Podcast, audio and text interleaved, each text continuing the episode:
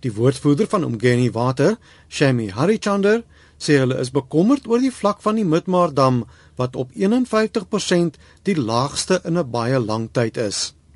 Die dam is deel van die Umgeni stelsel wat Durban en Pietermaritzburg van water voorsien. Harry Chander sê hulle pomp al klaar water van die Minsdam by Mooirivier na Midmar om die vraag na water te voorsien.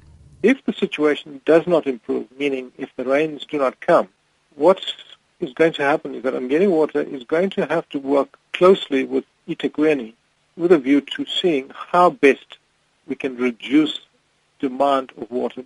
We are thinking along the lines that if the situation doesn't improve by February of 2016, obviously some form of reduction in demand would have to be implemented.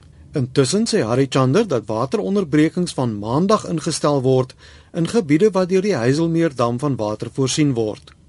Die watertoevoer na Durban se woongebiede soos Verulam en Waterloo, sowel as KwaDokuza, landelike dele van die Ilembe distrik en die gewilde vakansiebestemming Balito sal vir tussen 6 en 8 uur per dag onderbreek word.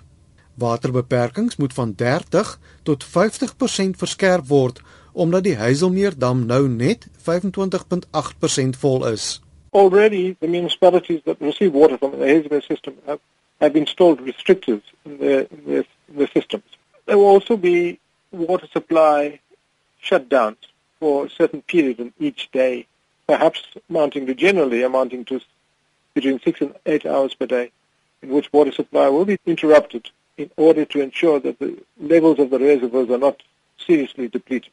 'n Wetenskaplike van die Suid-Afrikaanse Weerdiens, Kobus Olivier, sê daar is aanduidings dat nog 'n jaar van droogte dalk op somerreënvalgebiede wag. Ons verwag dat die El Niño fase hoër terug te keer na neutraal toe en omtrent herfs volgende jaar. So ons kyk na soos Mei, Junie se kant word hy weer neutraal te wees. Dit beteken dat die impak van El Niño behoort vir meeste van die somerseisoen in effek te wees vir Suid-Afrika. En dit beteken nie noodwendig dat net omdat hy terug neutraal dat daar ewe skielik goeie reën gaan wees. Ons weet tog nie.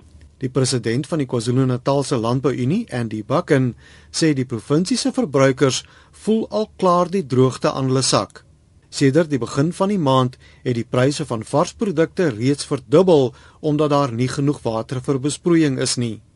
Die bestellings vir saailinge van kwekerye het met tot 50% gedaal.